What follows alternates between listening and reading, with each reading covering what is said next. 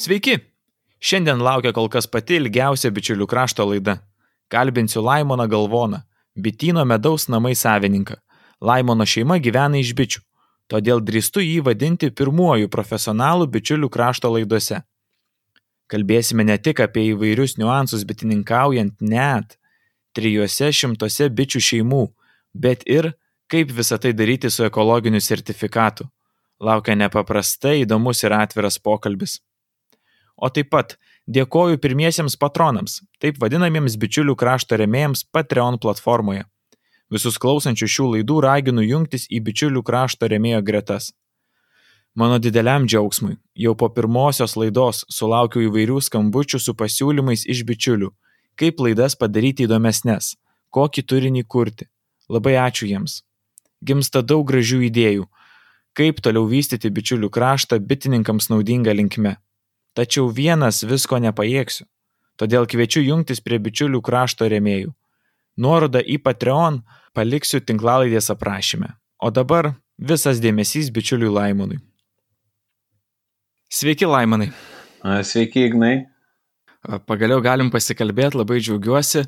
Dar antroje berots savo laidoje jūs paminėjau kaip įmonę, į kurią tarsi bitininkams mm, neverta, o gal ir sunku būtų lygiuotis, bet tik baigus antrą laidą įrašinėti supratau, kad na ta įmonė, už tos įmonės medaus namai irgi stovi žmonės, stovi bitininkai ir negana to, jie bitininkauja ekologiniu būdu. Ir man galvoje iškart užvėrė daugybę klausimų, kurių dabar labai noriu jūsų paklausti. Ir iškart nieko nedelsęs norėčiau paklausti jūsų, tai kas tie medaus namai, kiek laiko bitininkaujat ir uh, kokia apimtim bitininkaujat ir aš, man atrodo, susidaręs turiu tokį įvaizdį, kad jūs ir gyvenat iš bičių. Tai ar aš klystu ar ne? Ne, tai neklystote, jeigu taip į, į tų klausimų dabar nemažai, tai vat, nuo galo dabar dėl tų gyvenimo iš bičių, tai jau taip reiktų sakyti, kad iš tikro jau e, gerus penkis metus tai pagrindinė veiklos dalis yra bitininkystė ir ir tas visas mūsų šeimos gyvenimas susijęs su bitėmis ir pragyvenimas su bitėmis ir tais pačiais medaus namais. E, aišku, e, šitie medaus namai nėra tik mano vieno e, kaip užsiemimas, tai yra grinai jau mūsų šeimos. Pradedant tai stipriai, tai visas prasidėjo ir su tėvų pagalba mano, kur yra bitinas kaime, ir tiek žmonos pagalba, kuri šiuo atveju atlieka visą tą marketinginė pusė ir, ir apipavidalinimas ir darbas su klientais. E, taip, kad vienam žmogui e, už, už tiek darbų atsakingam ir suspėti būtų tikrai sudėtinga. Taip, kad e, visi tokie dalykai nesiranda tuščioje vietoje vienas žmogus, dažniausiai yra kelių žmonių pagalba slepiasi, tai arba šeimoje kažkaip pasidalina tos darbus, arba aišku, dažnai įmonė jau kaip iš įmonių perspektyvų tai yra samdoma papildomai specialistai, bet aišku, tai kainuoja nemažus pinigus. E, dabar e, ten pradžią klausimo e, priminkit, Ignai. Mhm. Tai gal pradėkim nuo to, kokia apimtim dabar medaus namai bitininkauja, kuo užsijima. Tai medaus namai dabar turi šiuo metu mūsų bitinėje yra paleidome žemoti 300 šeimų. Aišku, kiekvienais metais neapsėina be nuostolių, tai visą laiką aš taip jau net skaičiuoju, kad iš tikro apie 10-15 procentų bus nuostolis. Tai nebūtinai reiškia, kad bičių šeimų praradimas, bet tiesiog kai kurių yra būklė bus pakankamai silpna pavasarį, nes visgi kiek stebiu eilę metų ir turbūt kiti bitininkai pastebi, tas nebūna netgi tolygus užkretimas erkėmis, šiek tiek būna vienos šeimos labiau užkrėstos, kitos mažiau ir nuo, nu, kai pradėtų gydyti, nuo to tada priklauso, kokios būklės jau tos žeminės bitės naižemoti, ar stipriai pažeistos erkių, ar mažiau pažeistos. Ir atsilieps, aišku, ir bičių, bičių kokybei pavasarį ir, ir tų bičių stiprumui.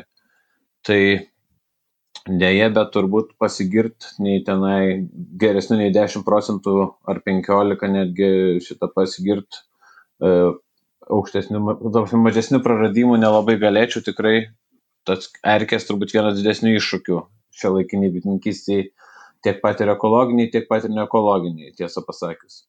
O toliau, aišku, dar papildomai, tai užsiema čia tas yra veiklos diferencijavimas, nes netgi medus nėra pastovus, kiekvienais metais tie derliai sviruoja, tai šiek tiek kaip ir visur gyvenime, tiek ir bitininkystėje stengiuosi tą veiklą diferencijuoti, tai papildomai, aišku, žiedadalkių šiek tiek renkame.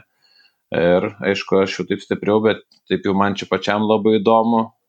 Galėsim net ir plačiau pašnekėti, kokiam aš ten linijom domiuosi ir, ir, ir kokias tendencijas yra tos bičių vislininkystės, bet šauginu papildomai motinėlių taip šiuo metu kiekvienais metais apie pusantro tūkstančio apvaisintų motinėlių užauginu savo bityne jau porą metų. Ar gal planuoju gal šiek tiek dar daugiau šiais metais, bet čia žiūrėsime pavasarį, kokia bus bičių ta šeimų galutinė būklė ir kokios bus galimybės startuoti pavasarį. Labai įdomu. Tai 300 šeimų, kurios dirba prie medaus ir dar motinėlių auginimas. Jo, tai, tai tas va, 300 aš ir patikslinčiau. E, lab, čia yra šiek tiek, va, aš dabar va, ir paminėsiu tą motinėlių auginimą, koks yra dedamas. Labai dažnai žmonės nesuvokia, kas tai yra motinėlių auginimas ir kokiu jis reikalauja resursų.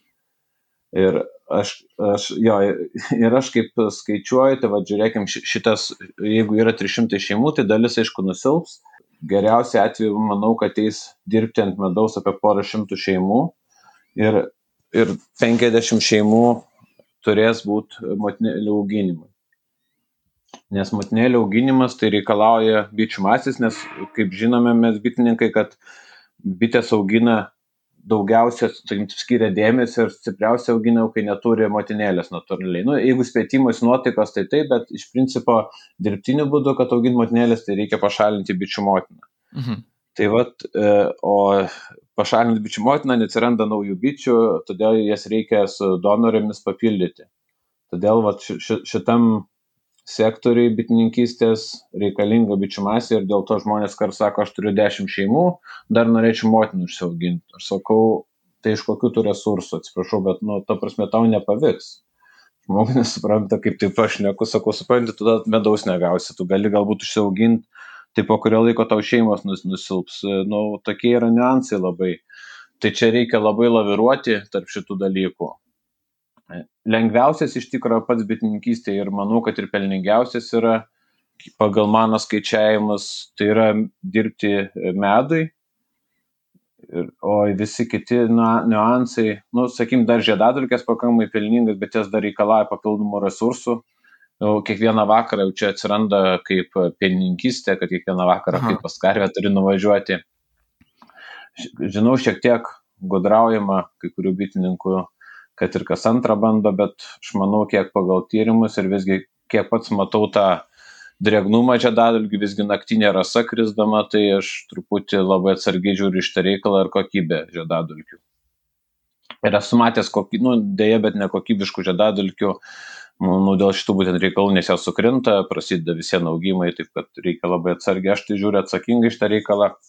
Dėl to labai suformuoju tą artimesnį šei, nu, šeimų ratą, per kurį kiekvieną vakarą pravažiuoju ir surinku žiedadulkis. Mhm. Tai, va, tai čia tokia, bet visą štai yra tam, kad diferencijuot veiklą, nes, e, sakykime, bičių motinėlės ir žiedalkės šiek tiek e, pastovesnis dalykas, o medaus derliai, nu tai ten, kaip ir taip šnekama, į penkis metus vienas tik būna labai geri derliai, kokius 2-3 metai tokie vidutiniški ir, ir aišku, kaip ir ši vasara buvo čia nemažą dalį Europos, ne tik Lietuvos palėtė, kiek teko bendrauti su kitų šalių bitininkais, tai yra ganėtinai prasti derliai, vienam kitam bitininkui galbūt nieko, gal pagal regionus, kokie augalai, bet, bet čia bendraja prasme, tai vad pakliuvo, kad prastoki derliai ir ko pasikoja čia ir aišku, ir kaina rinkoje paaugo, Bet, bet jeigu iš ekonominės kaip bitino veiklos, tai šiek tiek visiems bitininkas patiria nuostolius, negautas pajamas, taip kad reikia stengtis nu, išsidėlioti tuos visus savo rizikas vadinamas, kad išlaikyti kažkokį ir finansinį rodiklį, nes be pinigų tai vėlgi bitininkas, jeigu tai yra jo pagrindinė veikla, tai turi ir galvoti ir apie tos piniginius reikalus visą šitą, nes tai yra hobis, bet tuo pačiu ir verslas, mano atveju. Mhm. Nes aš, aš pagal tą jo, aš pabaigiant pagal tą šūkį savo laikiau, kad gyvenime kažkada perskaitęs, kad susirask darbą, kuris tau patinka ir nebereikės dirbti. kad toks taip ir atsirado bitininkystė. Labai galiu sieti tai, ką pats jaučiu su to, ką pasakojat. Bet dar šiek tiek pasigilinant į tai, ką sakėt, tai iš tų 300 šeimų ant kiek deda džedadulkių rinktuvus?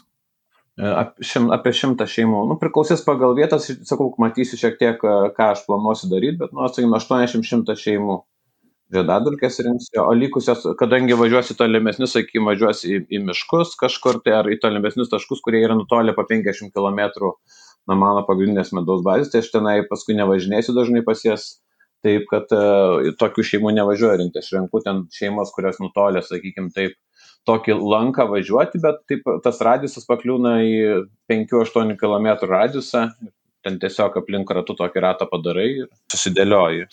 O dar labai noriu palyginti su tuo, kaip man sekasi, kiek iš, mhm. va taip per, per dieną, kiek iš šeimos prirenka džedadalkių, vidutiniškai, tikrai nerekordiškai. Uh, uh, aš dabar labai sviravimas priklauso aš, aš truputį nueisiu iš, iš kito galo pradėdamas pasakoti, mhm. nueisiu iki šito, iki šito skaičiaus. E, aš irgi pats buvau paskaitęs, kad va čia galima ir 10 pririnkti kilogramų iš šeimos, vos ne vidutiniškai, nu čia toks labai rekordinis, bet grįžtant atgal aš iš tikrųjų pamačiau, kad man neverta rinkti ilgiau nei iki joninių, grubiai net kartais jau trumpiau pradeda, bet nebelabai nešti. E, taip, sakim, pagal Mazarus rajono zoną aš visgi prirenku apie 3-400 kg iš 100 šeimų, sakau, pernai startau biški mažiau, bet tai vad sakau, 300 kg pririnkau. Ir aš nestartuoju, aš startuoju panašiai, šiek tiek gailėdamas bičių, kada jau išsirita pirmą kartą, tai ne visai taip jau labai anksti, jau taip gegužės galbūt pagal mano e, tą zoną e, temperatūrinę, tai gegužės kokią pirmą savaitę ne anksčiau. Kiti šiek tiek žinau, kad anksčiau startuoja, tai aš tokiu laiku startuoju, tai galbūt kažkiek prarandu. Taip, taip kad, e, mato, tik tai apie kokius 3 kg, 4 iš šeimos. Tikrai čia nėra labai efektyvus rodiklis, aš tikrai žinau, kad kiti ten 5 kg be problemų ir 7 renka, bet aš paminėjau, kodėl aš tiek nesurenku ir, ir, ir, ir pastebėjęs, kad e, man ne, nenoriu stipriam šeimom labai dėti rinkti, nes E, jos tada geriau neša medų, ten labai stabdosi bičių judėjimas, jeigu per dėm didelė šeima. Taip kad rinkimas e, geriau yra tokiam ne, ne aukščiau nei vidutiniškam šeimam, taip išlaikant vidutinį dydį. Jeigu labai startuojasi šeima didelė, ten problema irgi yra. Tai tada aš ten šiek tiek naudoju, sakykime, nuo tų bičių nuėjimo tam bičių motinėlių, donorystį korių, kad nebūtų per daug didelė šeima. Ta birželio mėnesį. O, jo. o kokio tipo rinktuvus naudojat? Dugniniai. Mm, o tie būna paaukštinti tokie ar šiek tiek žemesni? Jo, taip, taip, pa, pa, paaukštinti aš su, paskui visą tą išimu, ištrau, ten iš, iš, jo, iš, iš galo ištraukia stalčius ir tik lieka iš esmės, e, nes būna jau priklijuota, kars nelabai ten pavyksta, ir bičių daug visgi ten daugiau link rudens tą išimu, e, nuo, nuo šiukšlių, ta vadinamas e, apsaugos ten tas, kar, ne kartonas, tas lentelė tokia, apsauginė, kad šiuklės nebirėtų į žiedadulkės. Tai ją paskui būna pašalinu vėliau. Bet čia nuo konstrukcijas kituose būna ten kituose iš dalį rinktuos padaryta, kad lengviau ištraukia. Maniškiai konstrukcijai ten, sakau, prilimpa dažnai būna sunku, nes ten reikia iš vidaus, tai aš ten nedirginu ne, ne bereikalingai bičių, tai paskui išimu, jinai nemaišo man. O dar toks klausimas apie tą rinktuvą. O kaip jisai užsistato. Nes aš esu turėjęs dviejų tipų dugninius rinktuvus. Vieni yra, kuomet bitės pradeda rinkti žiedadulkės iki galo nustumus stalčiuką, o kitus turėjau, kur e, prielakis pasikelia į viršų ir tuomet jos neša žiedadulkės, nusileidžia, tuomet jos eina tiesiai į avilį. Jo, aš, aš mačiau čia pris vienam e, bičiulių sutikimuose, praeitą vasarą mačiau tą, kur e, prielakis, tai aš tokio neturiu, aš turiu tas, kur stalčiukas užsi, užsistuma ir buvau net pagalvojęs, gal tas ir prielakis būtų visai šaunu, nes ten irgi tą patį, vat, sako, aš ten įjungiu, išjungiu, lengviau bitės nesimėto, bet e, iš praktikos tengiamės šiaip mes netitraukinėti. Nu, gal labai retais atvejais, kada žinom, kad jau ten negalėsim, bet iš principo, nes, nu, kaip yra, aš, aš turiu, aišku, darbuotoją, kur yra, jeigu aš pats negaliu, tai tada darbuotojas pravažiuoja čia vėlgi ir, yra, jeigu pats, pats negaliu pravažiuoti, bet taip stengiamės tą laikotarpį, kai pradedam rinkti ir parinkti. taip išlaikyti tą rinkimą, kiek ten, jeigu lietus būna, matėm, sakykim, prie namų yra ten tas, pamatom, kad jau ten buvo tikrai lietus ir neskrido bitės, dar patikrinam, arčiau namų tikrai nėra žedalkinų, būna, kad nevažiuoji, nes tikrai neverta. Labai įdomu. Man tiesiog buvo bėduva su tais rinktuvais lygtais tokiais pačiais, kuriuos naudojat, kad bitės užsipikioja tarpus ir, ir, ir buvo, kad jos nebesugeba nenešti žiedadulkių ir tiesiog visą sezoną tada tų žiedadulkės renka. Bet jeigu renkat kasdieną, tai turbūt tos problemos nėra. Jo, žinokit, aš pastebėjęs į vasaros galą tos labiau pikėjimus šiek tiek atsiranda iš tikro, kad jie kažkaip e, užsinešinėja labiau. Bet aš dar vat, pasitikslinčiau iš to klausimo, ar čia buvo Karnika ar Bakvastas pats išpikiavo. E, geras klausimas, žinokit. E... Jo, nes e, ką aš pastebėjęs, e, kad čia mes diskutavom apie pikį, kiek kas pririnka su bičiuliais. Tai čia visi aiškina, tas yra teorija, tai visgi, kad pyks atsirastų, reikia, kad medžių būtų, krūmai kažkokie miškeliai ir viskas. Nu, pas mane, žinokit, pykia labai prastai, ne aš. Nors yra miškeliai, žinau visą tą teoriją, ventiliavimo virštinį, tą dedu tinklelį, taip ir taip labai prastai pykia neša, nes aš dirbu su Bakfus. Tai tikrai jisai labai, nu, iš visų turbūt laikomų, nu, Italijas tas pats yra irgi prastai, bet vad pykė tai tikrai prastai. Renka lygnant, ką pašneku su bičiuliais, kurie karniką turi. Tai. Ir aš esu pats matęs, tai žiūriu, ten kiberas stoja pykė, su kažkiek čia šeimų tiek kiberą pykė. Matau, sako, tai, nu, ten turi 70 šeimų, sakau, wow. Nu, man tai, ta prasme, pykė labai mažai. Aš ten, nežinau, 5 gal su visais kutimais 10 kg. Nu, labai mažai pykė. O kad jau pradėjot, tai jūs pats bitininkaujat su Bakfastu? Jo, pats su Bakfastu. E, aš startavau, pasibandžiau ir tą ir tą, bet man kažkaip prilipo tos linijos bakposto, pamačiau visai kažkiek geresnis rezultatų, šiek tiek mažesnis pėtimasi.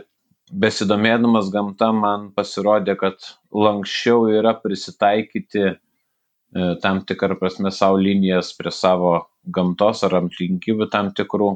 Ir nuėjau į bakvastą, bet aš taušme tikrai nesu kategoriškas, kad kadangi visą laiką turiu šiek tiek ir karnikų, dėl vienokių ar kitokių priežasčių ir pats biški motinėlės užauginu karnikų ir pasižiūriu, kaip pas mane. Tai neturiu nieko prieš labai prieš, prieš karnikas, aš sakau. Jos pasiekė puikių rezultatų, sakykim, gal biški aštresnis charakteris karnikos vos vos, e, bet kažkaip pripratau, man jinai patogesnė dirbtos, didelės šeimas, nu, aš kažkaip tą turiu dabar prioritetą bakvastui šiai dienai ir man viskas kol kas su juo labai gerai ir, ir patenkintas. Apie jį yra visokių nuomonių, bet aš sakau, ten, kadangi yra daug linijų, tai taip negalima labai vienareišmiškai atsakyti, nes bakvastas yra visiems tarp rūšinis e, hybridizacijos principų sukurtas.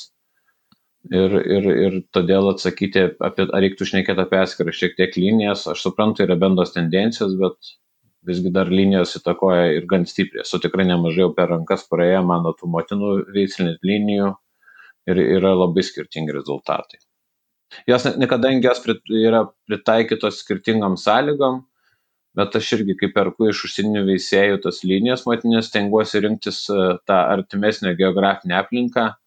Tai sakykime, ten į, į pietus Vokietija, Maksimum, Danija, Vokietija, šitos turbūt bazinės šalis, aišku, čia Luxemburgas pakliūna, tai tie veisėjai yra. Tai. Bet turbūt vokiečiai pagrindė visiems šitos artimesnės, kad būtų kažkiek gamta panašesnė į mūsų. O jūs griežtai kontroliuojat veislinės linijas, taip sąžiningai kas du metus ir keičiat? Jo, jo, jo. Nu, šitą, aš pas, paskui kartais ten labai gera šeima dar į tėvinę liniją nuinu, bet ten trečiais metais aš esu kiek pačias geriausias, pastebėjęs jau krenta visiems ir paskui ten žiemojimas dažnai senesnė motina yra kažkodėl prastesnis, aš taip gan keičiu, bet aš dabar taikau tokį antri metai tokį metodiką motinėlių keitimą, kad panaudojau šeimas rudenį, kurios ten lieka, šiek, šiek tiek daunas, prie jaunų šeimelių dadėjau senas šeimas vėlyvą rudenį, spalio mėnesį, aš jau sunaikindamas motiną ir tas šeimas išdalindamas iš esmės šeimelėm pastiprinti kurias matau, kad stipriau sėdi. Arba ten šiek tiek palieku, dar pavasarį paskui panaudosiu kartais kažkiek pasilieku seną motinam. Nes kažkaip ten pastebėjau, tas motinos keitimas irgi yra gan sudėtingas rudenį, nors nereikia skubėt ir šiaip pasidaro to pačiu lengva. Vienam kitam draugui padedu, tai jis stebėsi, kaip čia taip sugebė, sako, per dieną 30 motinų atvažiavęs ten per 4 valandas pakeisti, nes tiesiog reikia neskubėti, po to gal rugsėjo mėnesį geriausiai keisti. Arba pavasarį anksti, kai nėra gamtoj tranų. Ai, tai žinoma, geriau matosi. O tada labai gerai, man prieimimas labai geras, įmi motiną ir dedi kitą faktiškai ir viskas. Yra visą laiką rizika minimali, bet jau čia jau labai minimali.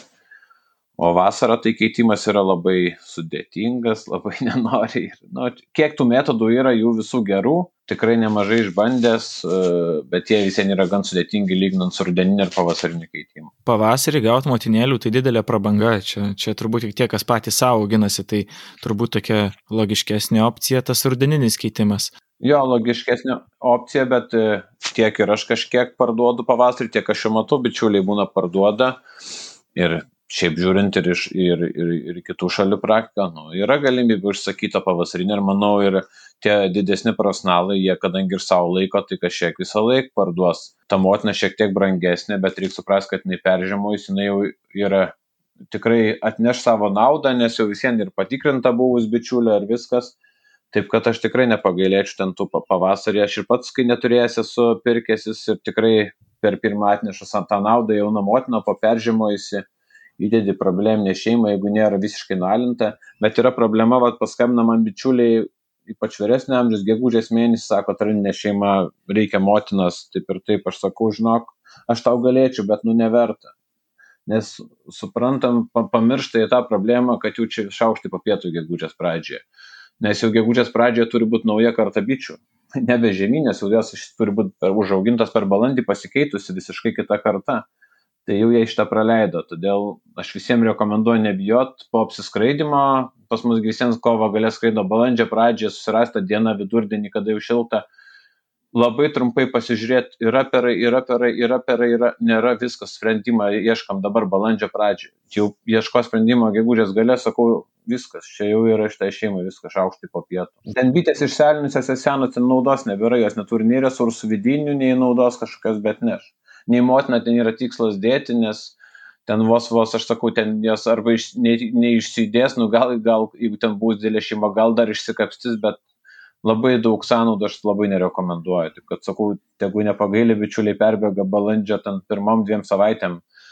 Tiesiog trumpai pažiūrėti, ar yra perų. Tikrai nededa perų, viskas yra problema. Arba būna verkė bitės, atidarai kartu, nu matai, viskas tas toksai išrėsti už pakaliukai viršų ir neturi motinos, net žiūrėti nėra ko, faktiškai viskas aišku, gelbėti reikia, prašo motina, jis jau žino, kas laukia. Tai va, tai reikia būtinai pasižiūrėti anksčiau šiek tiek, nu nebijo tos bitės taip šalčio, kaip čia kai kurie galvoja, viskas tvarkoja, bet reikia turėti nu, tą protingą žiūrėjimą, nereikia ten atidarius lyzdą visą ir draskyti matai, kur tas kamoliukas, kur ten turi būti, biškestami korius, išsitraukia tą vieną, pas, pasižiūri, yra perai, tru, aš net neiškeliu pilnai jo. Šiek tiek man tikslas būna pirminis prabėgti, susižiūrėti, kad ar visur dedančios motinos viskas tvarkingai po žiemos. Nes surprizų būna iš tokio kiekio po penkias straninės sulaikus. Mhm. O ar nepraktikuojat keisti motinas lopšeliais? Čia populiaru visai dabar darosi. Tai aš tą patį vat, savo draugam, kurie neturi ir, sakykim, je jeigu tu turi mažesnį bityną nu tai gali nusipirkti tas motinas taip toliau jau apvaisinta viskas tvarkoj nes nu tu garantuotesnis bus vis vien visi šitie tiek tiek aš tiek kiti veisėjai suformuoja vis vien tuos laisvo apvaisinimo taškus bet vis vien yra tėvinės šeimos ten daugmaž parenkam kad tos linijos būtų kad būtų tas sakykim e, galutinis variantas aiškesnis kad tikrai apsivaisino ten bakfas su bastfakstu ar karnika su karnika arba jeigu ir daro kartais e, mišrinimą, ten karnikas su bakvastu geras rezultatas irgi rodo, tikrai kiti daro taip, žinau, tą patį naudoja ir Kaukazo tranus, kad praplėsti, kad šiek tiek būtų ilgesni liežuvėliai, kad į dobilus labiau eitų mišrūnės. Nu, tai čia tos dalykus šiek tiek ir daro. Tai tada galima nusipirkti apvaisintą motiną, viskas ir, ir gerai ir tinka, bet jeigu tu turi didesnį bityną, tai aš labai irgi pats rekomenduoju imti lapšelius žmonėm, važiuot pas bičiulį, prieš parą lapšelį pasiemi, pusę dienos faktiškai aplinkos sąlygos į motinėlę nebežus, nieko parsivežė, sudėdi šeimelę susidaręs, susitari, kada darai. Sakim, tai pasiskambina, va, užsileidi pa, pa, tą partiją ir prieš dieną dar pastiksina viskas tvarkoja, taip, susidaro ten tų 50 šeimelių šimtas, lapšelius sudeda, žino, kad ten ta linija jau kita bus, savo skyriuje apsivaisina, po dviejų savaitę kontrolę padaro, ar visur deda, jeigu kažkur nededa tą šeimelę, tada išdalina ir viskas ir taip labai puikiai startuoja. Tai čia pats efektyviausias su mažiausia sąnaudų šitas metodas. Ir finansiškai, ir laiko sąnaudų. Nes motina įdėti, kad ir šeimelėm, tada turi žiūrėti, nu, norės kažkurios priimti, turės lapšelius, tikrinimai, yra motina, nėra. Tikrai iš praktikos čia daug yra vargo, kai turi ten kokiam penkiom šeimom ar ten dvidešimčiai nieko, bet jeigu šimtą reikia motinėlį nusipirkti ir susikurti šeimelės apvaisinti, tai čia tikrai yra ženkliai daugiau darbo ir iš esmės, kas taip profesionaliau, tai niekas taip nedaro, iš esmės visi su lapšeliais. Supratau. Ir tada dar kad užbaigti apie motinėlės, tai jūs auginat, kaip supratau, ir karniką, ir bakfastus. Jo, karniką, bakfastus ir šiek tiek italių.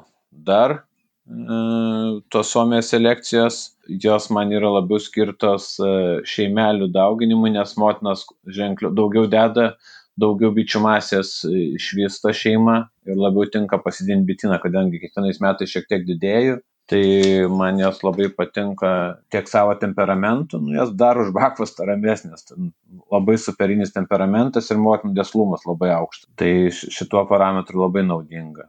O, o karininkas šiek tiek mažiau, o, o šiaip mano kryptis dabar, jeigu baigiam prieš žmonės, tai yra tas e, varoja higien, higieniškai atsparesnių bičių veislių bakvasto veisimas, kuris čia jau ta, prieš penkis metus jau atsiradusi stipresnė ta kryptis, yra tam tikri rezultatai. Tai aš irgi jau treti metai dabar bandausi, jau dabar kažkokius testavimus rezultatus bandysiu šią vasarą žiūrėti. Dviprasmiškai kol kas galėčiau sakyti, bet labai man įdomu šitą kryptis nes čia kaip ekologijai, tai ir, ir, ir tam suerkiam tiek, kiek jos sukelia problemų, tai visvien į šitą pusę turi judėti mokslas, kad tą geną susistiprinti. Nes šitie karniukų augintai tiek Italijoje, Amerikai, tiek Bakfasto, ypač Vokietija, Luksemburgas, tai labai šitą kryptim dirba mokslininkai, būtent tas, kad e, sustiprinti tą geną varoja erkės atradimą, pašalinimas pažeistų lėliukių, netgi yra tie filmukai, kaip ir tą pačią erkę, kanda ir meta lauk bitės. Jo, tai tas man labai imponuoja, domina, bet sakau, kol kas dviprasmiški ir kiek aš žiūrėjęs nemažai ir, ir, ir, ir mokslininkų paskaitų, e, iki galo tų klaustukų yra, nes skirtingose sąlygose skirtingai šiek tiek elgesi, vienos išiškėja tas stipriau valymasis, kitose ne. Tada dar tokia problema, kad tu arba dirbi su varoja atskirais skyriais, arba ne, nes gauna taršą šoninę iš tų kitų šeimų ir, ta prasme, visiems tas būna erkių kiekis. Taip kad, sakau, čia tų įdomių iššūkių yra, bet čia man labai irgi įdomis rytė šitą, kas čia išeis, matysime dar po kokių turbūt penkių metų. Geras, labai įdomu. O tai dabar vis tiek mus girdi greičiausiai ne vienas bičiulis ir jūsų bitynas yra kitam Lietuvos gale, turbūt iš bet kurio galo žiūrint, aš taip suprantu. ja, nuo, tai nuo, kaip... Nuo Klaipėdos iš vis toli. tai, tai... nu, jo. tai kaip, kaip įsigyti matinėlių pas jūs? O, tai matinėlės arba jeigu ties didesnius kiekius, tai aš kadangi Vilniuje gyvenu, o mano bitinės Zarasų rajone, tai arba pakeliui kažkoks lapšelis, tam, kaip sakant, pakeliui pasiema kažkas, tai kažkur sustinkama, ar Utenoje, ar Vilniuje, arba atvažiuoja pas mane į bityną didesnių kiekių, o aišku, kaip ir visi, jeigu Lietuvoje, tai per kurjerius užsisako apvaisintų motinėlių. Siunčiat? Jo, siunčiam per kurjerius. O kokia šiemet kaina bus apvaisintų? Tur, turbūt tas uh, panašiai tam mažminė kaina apie 18 eurų, bet tada dar šiek tiek priklauso nuo kiekio, kaip ir visais. Tai manau, kad tos kainos taip ir sviruos nuo 14-16 eurų. Čia aš bendrai matau tas tendencijas rinkoje, kad tokios kainos išsilaiko, plus aš žiūrėtumas ir kitų šalių, manau, kad tai jau yra tokia pakankamai europinių lygmenų normali kaina. Tai va, tai tik tai, kad vat, Lietuvoje kai kas net nežino, bet tiek ir aš asmeniškai šiais metais jau įsigijau, bet jau aš manau, kad Lietuvoje yra apie 10 dirbtinio apvaisinimo turinčių žmonių, kur šiek tiek galės jau garantuotai apvaisinti matnėlės pagal norimas parametrus tam tikrus. Lietuva jo šitoje vietoje irgi nesilieka, sakau, aš asmeniškai žinau jau, kad apie 10 yra dirbtinio apvaisinimo aparatų, dar taip plačiai nėra žinoma, bet e, aišku, kol kas nemaža dalis žmonių tiesiog mokosi ir mokės apvaisinti, bet dar lieka tą sustiprinti visą tą žinių bagažą. Tiek man asmeniškai, tiek viskas. Aš, pavyzdžiui, šitą, šitą niuansą įsigijau, man yra labai svarbu, kad kars, kai stoja prasti orai, kad šiek tiek būtų galimybės išgelbėti motinas. Dabar tos prognozijos pakankamai tikslas matosi, kokie tie orai, nes aš atsimenu, kai startavau, vienas birželis buvo tiek lietingas, kad e, faktiškai visos motinėlės neapsivaisina. Tam O tai va, jeigu stoja prasti, tai šiek tiek, kad išgelbėti dalį motinėlių, tai dirbtiniu būdu būtų galimybė apsivaisinti. Džiugu girdėti iš tikrųjų apie tos dirbtinius apvaisinimus ir apie tai, kad e, veislynai veisia atsparesnės erkiams bites. Tai gal ir teskim tada apie tas erkės. Kaip jūs gydot savo bites? Visgi esate ekologinis bitynas. Ekologiniai bitininkystiai tas gydimas yra leisnas tai tik tai natūraliomis, iš esmės tos rūkštinėmis medžiagomis. Jų yra rinkoje tikrai nemažai, nes e, dėl atsparumo erkių tam tikriam cheminiam preparastam ar, ar tom veikliosiam medžiagom, tai yra iš esmės, kiek stebiu visose šalyse, faktiškai šalia visą laiką rekomenduojama taikyti ir ekologinį gydimą, ypač, e, ypač kontrolinį. Tai aš gydau iš esmės niekada negydau vienu preparatu, bandau, sakykim taip, pusę bitino startuoju su vienu, pusę su kituo. Tai pagrindinės veikliosios medžiagos yra, medžiagos yra skrūžių rūgštis ir, ir oksalio rūgštis. Šiemet pabandysiu, užsisakiau čia per paramą dabar tu naują preparatą apie LifeWar, tai jisai timolo pagrindu yra terinių aliejų.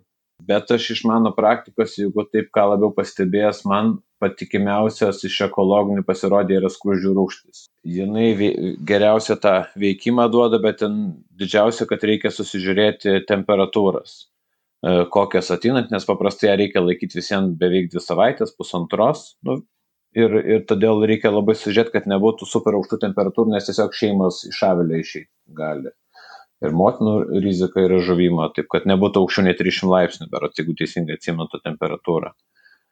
Tai čia turbūt, aišku, galbūt vienas brangiausių, jeigu perkant uh, tuos uh, maksus vadinamus, uh, o visgi yra galimybė įsigyti vienkartinę investiciją tas garintuvus krūžių rūkšties ir, ir su jais tada gaunasi, kai tu investuoji tą garintuvą, aš, pavyzdžiui, turiu nusipirkęs apie 60 metų ir paprastai spėju, kadangi grykėsi šiek tiek dirbu, tai spėju panaudoti, sakykime, du kartus per sezoną vienam skyriui ir kitam paskui. E, taip, kad man... Čia jūs apie garintuvą kalbate, ne? Jo, jo, Nasenhaiderio, sakykime, šio konkrečio atveju garintuvą ir užties, kurį buteliuką įpili ten tą 120 litrų, ten priklauso nuo šeimos dar stiprumo ir palieki ten viršų uždėjęs. Bet aš sakau, reikia, vienais metais buvo problema, nu, kodėl aš sakau vis laik dviem, nu, pavyzdžiui, stojo ir pučia galas labai karštas, nu, ir to prasme, ir tu turi, negali taikyti to būdo, tada reikia galvoti labai. Dėl to lik patikimesnis, bet į galą aš laik įsigyju iš anksto dar ir kitų, kad galėčiau kažką startuoti ir su kitais gydyti. O kiek, gauna, kiek gaunasi vienai šeimai skružių rūkšties, jeigu mes gydom su Makso juostelėm? Tai su, su Makso piniginė prasme? Taip. Tai piniginė, tai va, aš pasidėjęs prieš akis čia kaip tik tas kainas, o vaistų ir gaunasi, jis brangiausias metodas iš esmės 5 eurai 45 su PVM, faktiškai tai vienai ši šeima yra nu, ten kompensavimai yra, tai bet jeigu, jeigu nekompensuojant, tai va 5,5 euro, faktiškai pats brangiausias, o, kiti, metai ekologiški, tai išeina apie 3 eurų šeimai. Aha, bet va tais metais, kai gydot maksu, uh, sakykime, esate susiplanavęs gydyti maksu ir viskas pavyksta, imant per visą sezoną, nuo pradžios iki galo, ko nors dar gydot tą šeimą? Ne, tai aš galėsiu papasakoti, aš, na, aš pabrėžiu, kad aš maksu man dideliam bitinui būtų tikrai per brangu toks kiekis, aš sakau atvirai. Aš, aš naudoju, kaip užsiminiau, rūkšties garintuvus. Tai aš tiesiog skružių rūkšties nusipirku, kuri ten santykinai labai mažai kainuoja, ten tas buteliukas, aš dabar net nepasakysiu, bet ten gaunas kur kas mažiau. Ten tas garintuvas kainuoja 18 eurų ar kiek ten dabar reiktų prisiminti, nusipirki ir, ir tada jį turi. O kokiu principu jis veikia? Ten yra buteliukas, kurį, kurį E, drekinasi tokia, kaip pasakyti, medžiaga, galim per ją po biškį sunkėsi ta rūkštis ir garuoja. Ir kadangi rūkštis krūžiai yra sunkesnė už orą, jinai ant viso e, avilio sėda, per visą avilį eina, padėjęs ant labelių ir, ir veikia. Veikia tokiu pačiu principu. Čia nieko nėra, tiesiog šitas yra irgi maksas impregnuotas, sakykime, juostelė yra popieriaus gėlio pavydalė ir jinai irgi po biškį atiduoda principas yra, kad atiduotų kažkas, anksčiau būdavo kaip darydavo, Vokietija, kai pradėjo naudoti, irgi būdavo medžiaga užmeda ją palaistos, kur žirkštin ir uždaro. Po kurio laiko dar ten pakartoja. Tai principas yra visų šitų, kad išlėto atiduoti tas uh, pusantros savaitės, ten tuos rūkščius, krūžių rūkščių, kad garantuotai erkės išnaikinti visas. Tai čia gaunasi pamaitinimo jūs, ar, ar, ar po pirmo ciklo? Jau kai reikia pamaitinti nors vienas įk. Aš kadangi skubu, skubu gydyti, tai aš pamaitinu vienas įk ir tada gydau. Nes kai gydai skružių rūkštinės maistą nenorim. Nu, jas pakankamai streso patiria visgi nuo skurdžio rūgšties visiems, jos yra, jie yra dirginantis, dėja, kiekvienas gydimas yra bitės dirginantis, bet e, čia tas kaip ir žmogui, visiems ta ligoninė tokia pasirinkimas, jisai nėra malonus iki galo, bet kitu atveju tai pražutis yra, taip kad e, renkamės mažesnę blogybę. Dėja, bet e, su, su, su erkėmis, aš, aš žinau ten tuos, kad bando visoks metodus, kad išlikti viskas, bet dažn, didžiąją dalim tai visa tai žlugtų, tiesiog šeimos žūsta anksčiau ir vėliau visi bitinai. Aš žinau tikrai bitininkų, kurie praranda daug šeimų dėl neatsakingo požiūrio į erkės. Tai va, tai aš grįžt, grįžtant jūsų, kiek kartų ką gydo, tai aš tada truputį papasakosiu, kad aš būtent, e, kadangi turiu nemažai šeimų ir vienas, sakykime, dalis bitino važiuoja į Grykius, o dalis šiek tiek jau aš e, Liepos gale jau nebevežu į Gryką, jau pradėjau jas tvarkyti. Pas mane, kadangi Zarasų rajonas šiaip jeigu taip su laiku reikia sakyti, iš esmės, nuo Kauno pusantros savaitės vėliau tos pačios liepos pražįsta ir, ir, ir viskas šiek tiek vėliau baigėsi. Startuoju vėl, vėl, pavasarį šiek tiek vėliau, bet baigėsi ir, irgi vėliau.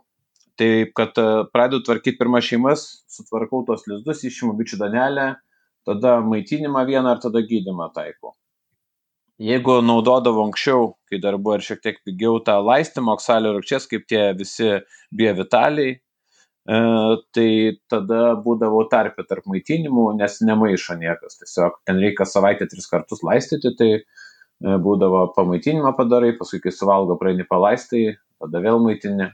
Ir ten būdavo per tris savaitės viskas ir pasimaitina tos bitės ir, ir, ir, ir, ir pasigydo. Tai vad kokį metodą betaikite vasaros galui, visą laiką aš visiems pabrėžtinai tą patį kartoju, kad reikia lapkričio gale ar gruodžio pradžioje gydyti.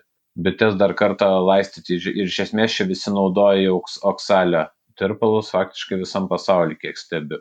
Net ir po makso? Taip, nes visiems ne vieno preparato nėra šimta procentų. Ir plus galima kryžminė tarsa. Vėl, vėlai rudenį, dar rudenis būna šiltus, šilti skraido, neaišku, ar kaimynai gerai nusigydė nu, sakykime, aš labai stengiuosi anksti taip toliau, bet o kaimynas nelabai stengiasi kažkoks ir bitės vėl gauna kryžminės taršos ir staiga vėl pakyla erkių kiekis. Šitas gydimas vasaros galo yra tikslas, kad užauktų žiemojimui nepažeista arba maksimaliai minimaliai pažeista, ne maksimaliai, minimaliai pažeista erkėmis karta, kuriais žiemoti. Ir paskui dar būtinas kontrolinis nuvalymas. Tai yra, ką tu padarysi šiais metais su erkėmis teisingai tai tu investuoji kitų metų bičių stiprumą ir, ir tikėtiną derlių peržiemojimo sumažini riziką neigiamą kažkokią. Ir žiemą faktiškai visą laiką gydo tiek vokiečiai visi, tiek norvegai laisto, visos visi laisto. Norvegai kažkaip keistai propaguoja ir aš čia matau vieną kitą, kad sausio mėnesį. Aš tuo klausimu esu skeptiškas šiai dienai, nes e, pagal elementarią logiką bitės jau sukaupė e, nesituštinę jau kurį laiką, jau kokie būna trys mėnesiai, tada jas dar laisto.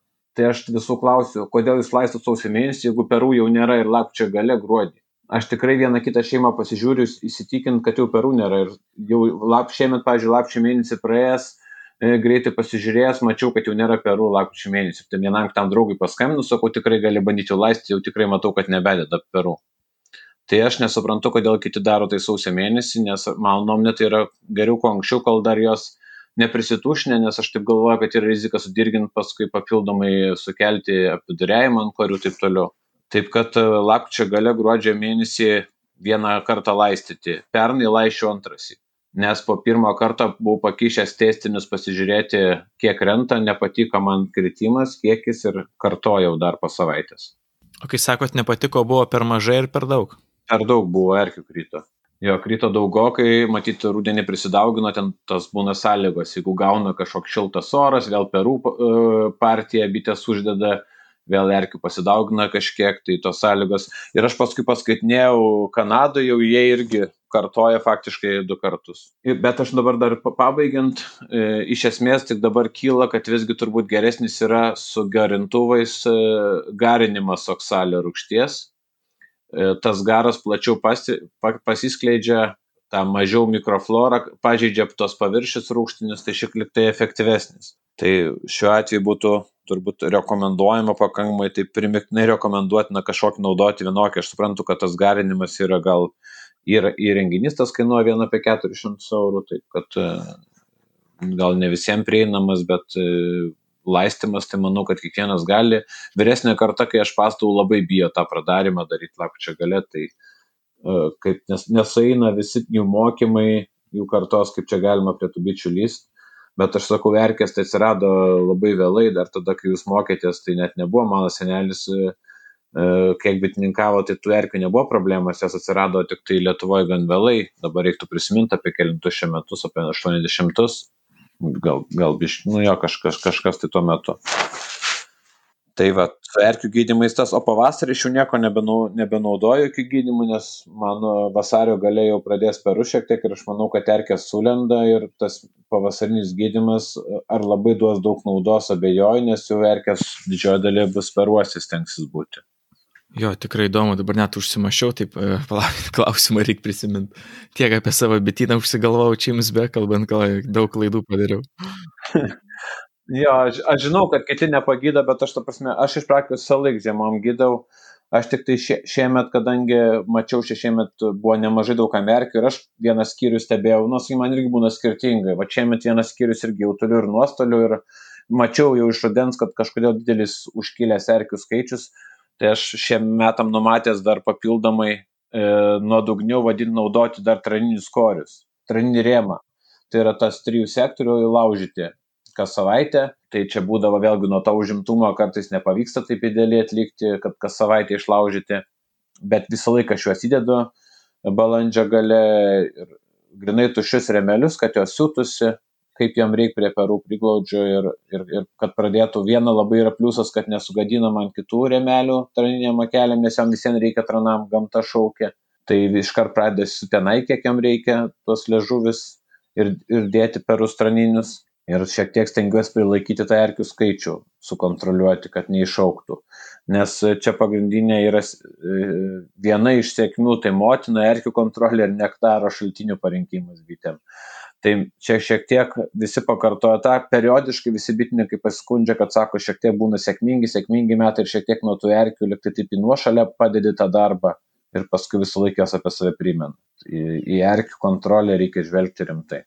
O dar šiek tiek apie garintuvus oksalo rūgšties. Ar jūs pats e, naudojot jį? Ne, aš nenaudojau, bet pasišnekėjęs su bičiuliais, aš, aš planuočiau irgi ateityje jau įsigyti.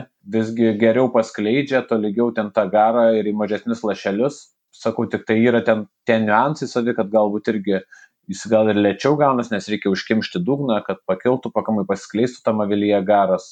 Aišku, atsargumo priemonių reikia visam su, su dujokaukiam, kad neįkvėpti. Sakykim taip, e, liktai kiek iš tų atsiliepimų šiek tiek efektyvesnis metodas, bet pakankamai efektyvu ir laistymas. Ne, viskas tvarkoja, kam nėra galimybių, tai tikrai rekomenduoju laistyti. Labai gerai, tai gaunasi pakalbėjom apie motinėlės, apie gydimą, dabar šiek tiek apie nektarą.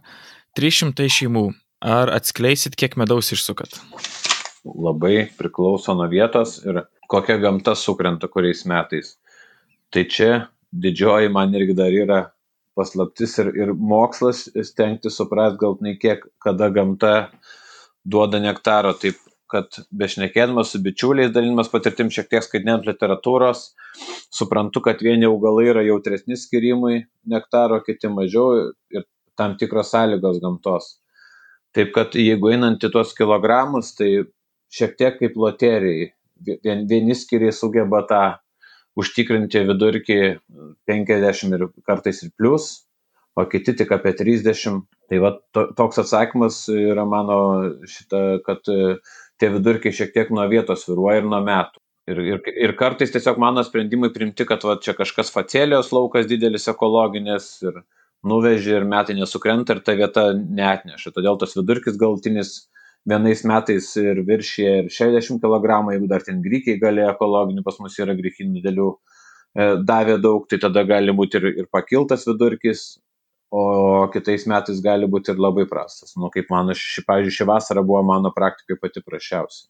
Jo, labai prastai, didžiaja dalim faktiškai tik birželio vienas gal medūnišis buvo šiek tiek gausesnis, kaip paminam, buvo labai šaltas pavasaris, reiškia, spienių medaus negavau aš. E, tada e, tik paragaut, galima taip sakyti. Nu, tada birželio galas šiemet garšva labai daug nektaro davė, tai jinai, vat, kurie buvo šeimas tokiose zonose, kur yra daug garšvų, tai ten tikrai neštelė medaus, o miškai mažiau davė medaus, aviečių mažiau ir grykiai vėlgi, vėlyvėjai grykiai bent jau buvo labai prasti, taip kad bendrai prasme šitie metai medu man yra sudėtingi, tiksliau jau buvo, reiktų sakyti, dabar jau reiktų laukti naujesnių, kad bus geresni kažkuo. O kiek bičių vežiojat? Kiek šeimų? iš esmės, kaip ir minėjau apie tą žiedalkių rinkimą, kad iš esmės yra, jeigu taip praeitą vasarą apie 200 šeimų buvo tų darbinių, tai pusė šeimų šimtas paškai keliauja, šiek tiek į miškus, paskui į grykius, o dalis, taip sakykim, pakamai stacionariai. Jos stovi tose vietose, nes vėlgi ten man tokias vietos pakamai parankios, tai ten iš pavasario pienių būna, paskui yra miškelių aplink į miškus, atneša arba tų pačių garšvų, birželio medaus irgi pakankamai būna ir paskui kažkur yra dar laukai yra grikinų ekologinių arba kažkur liepas stovi, tai dar liepas mėnesį irgi užtikrina nešimą, tai man tenai nėra tikslo jų vežioti. Nu, žiedadulkių rinkimas, e, tai tų šeimų aš iš esmės gaunasi, kaip minėjau, tuo artimuoju radijus iš esmės ir niekur nevežu, jos pakankamai gerai nektaru, aprūpintos nektaru. O kita dalis, kadangi ir yra tų grykių, ir ūkininkai prašo, ir, ir, ir rinkoje yra tam tikras poreikis ir ekologiško grykių medaus, e, taip kad važiuoja šiek tiek, sakykim, dar į grykius savo laiką. Ir dar toks labai man asmeniškai įdomus klausimas, kur jūs realizuojat medų? Aš jūsų medų mačiau labai labai daugybėje vietų, bet uh, taip jeigu išskiriant tris dalis - kiek mažmenoj, kiek didmenoj ir kiek užsienį. Nu, plus minus, taip tiesiog, kad suprastume. Ne, tai tai didžiaja dalim visiems stambesniam bitinė, tai e, be didmenos e, aš nelabai įsivaizduoju.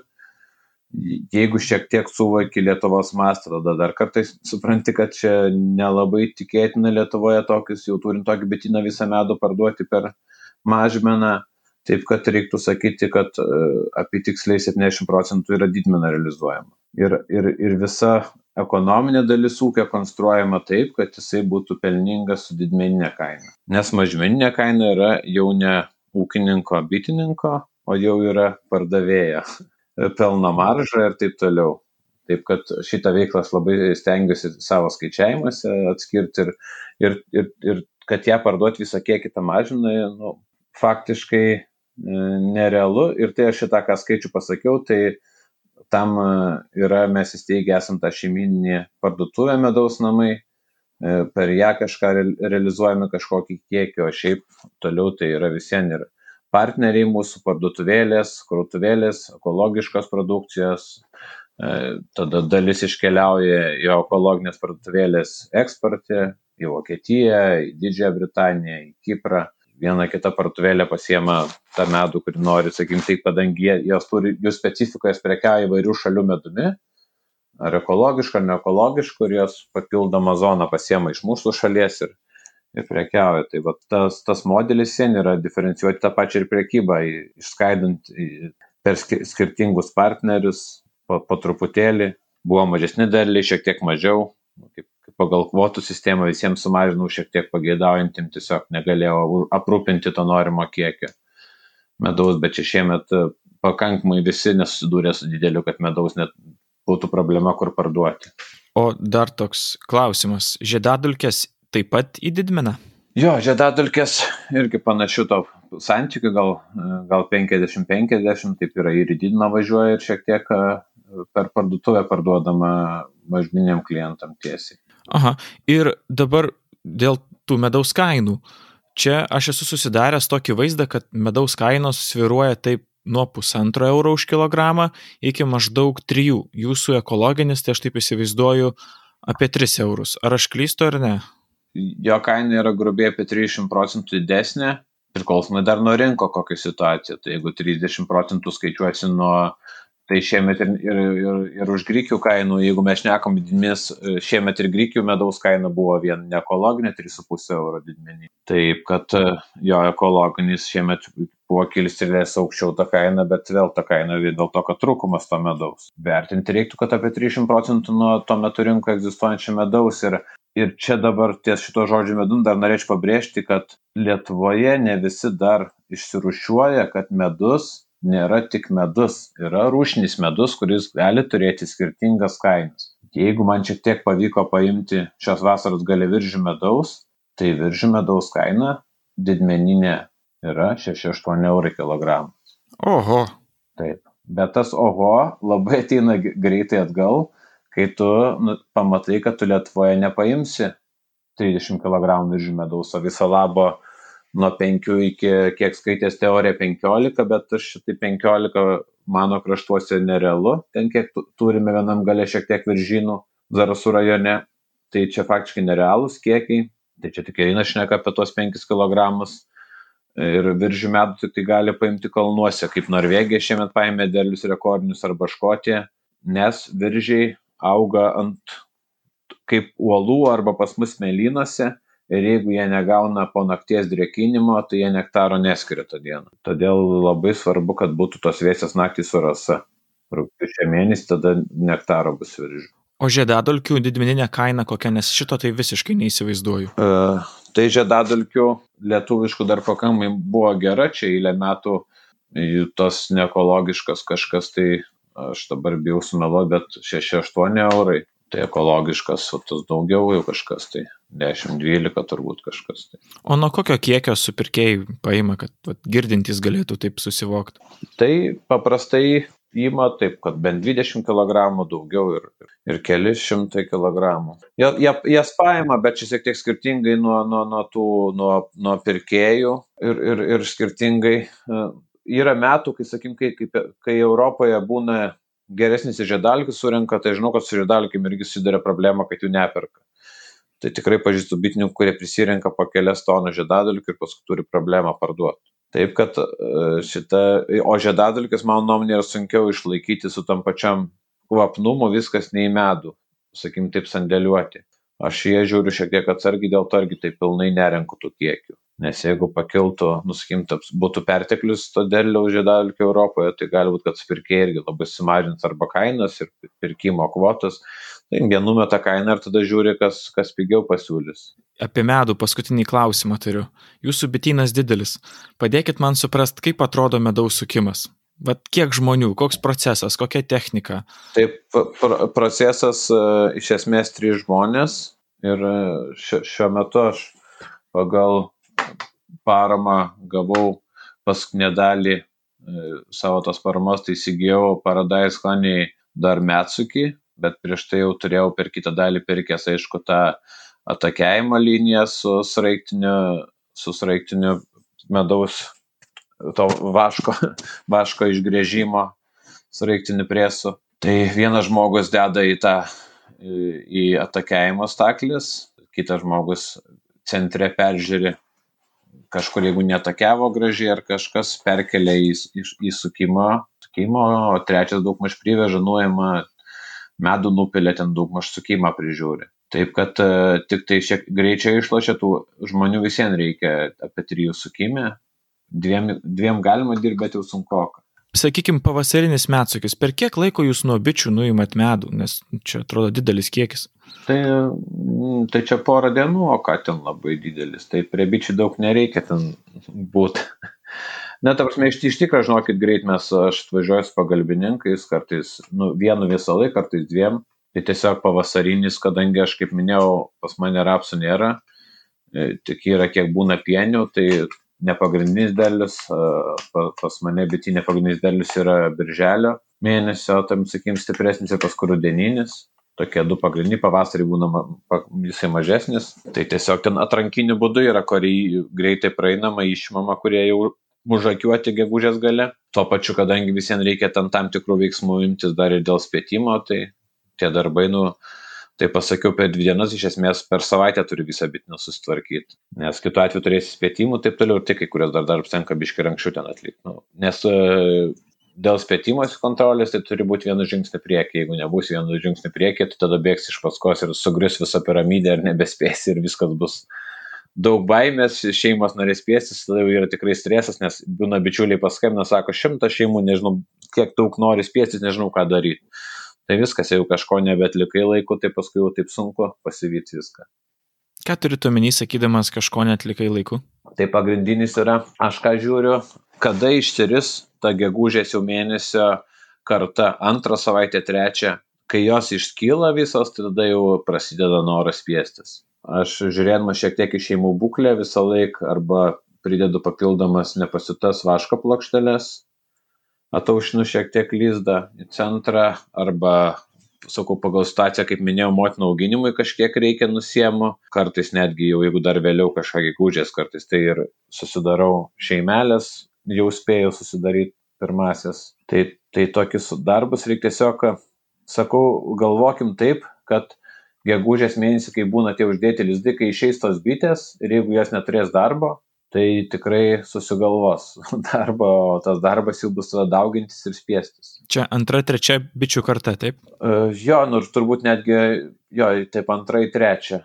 Nes ta pirma, tai pirma, kai išsirita, tai čia jeigu kažkas tas vidurio Lietuvoje, tai ten ir apsus, kad dirbtų jau eina.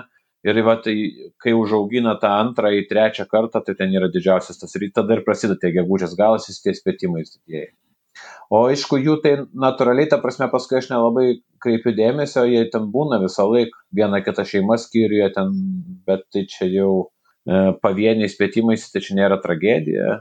Tiesiog vietoje tada kažkokius sprendimus priminėjai arba susikrauni tą šeimą, jeigu matai, kad ten jau motinai skryda, jau ten tiesiog tada šeimelėm išdalini ir sudėdi lapšelius, kad greičiau taip toliau uh, sprendimus tada vietoj priminėjai. Bet svarbiausia, ne, negauti masinės spėtimas, iš esmės jo negausi, jeigu padarysi, kaip minėjau, tas darbas tai yra nu, reikia nuspręsti, kad ataušinti tą kraują, tai kaip yra ir, ir kiti moka, arba ten jeigu su, dirba su pusreminiais lizdais, tai tada sukelia ten tos aukštus būna į viršų kelią, visokių tų metodų yra nemažai.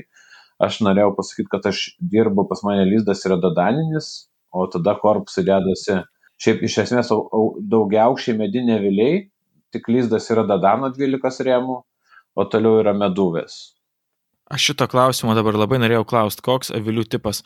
Labai įdomiai pasirinkot. Uh, tai aš iškart dar kelis klausimus trumpai, kodėl tai pasirinkot. Man labai įdomu net 12 e, lizdinių rėmų ir kodėl dadaniniai. Nes man atrodo nepatogu, kai ne vienas dydis. Jo, šitą pasirinkau. Keli tokie buvo dalykai. Viena, kad jau aš paveldėjau dalį bitino iš savo tėčio kai tas jau buvo. Aišku, ten jisai turėjo apie 400 šeimų, sakykim, galima buvo nueiti ir taip toliau, bet aš tuo metu pradėdamas domėtis ir žiūrėdamas, kaip dirba vokiečiai tie patys, viskas, pastebėjau, kad visgi nemaža dalis pasaulio dirba ir su tais lyzniais e, e, šitais ir kažkodėl sugeba ir nekyla jiem problemų. Ir, ir kaip, kadangi su bitininkise nemažai klausimų būna, turi vieną, nu, kaip sakyt, turi bent du ir daugiau atsakymų ir jie visi teisingi, o, arba, taip sakykim, turi ir pliusų ir minusų, tai aš pasirinkau šitą metodą. Aš žinau, kad kritikuoja, jie sako, sunku lizdą atnaujinti, du dydžiai, bet sakykim taip, šitas dydis lizdiniai rėmai, jie, man niekur, jie meduje man nefiguruoja.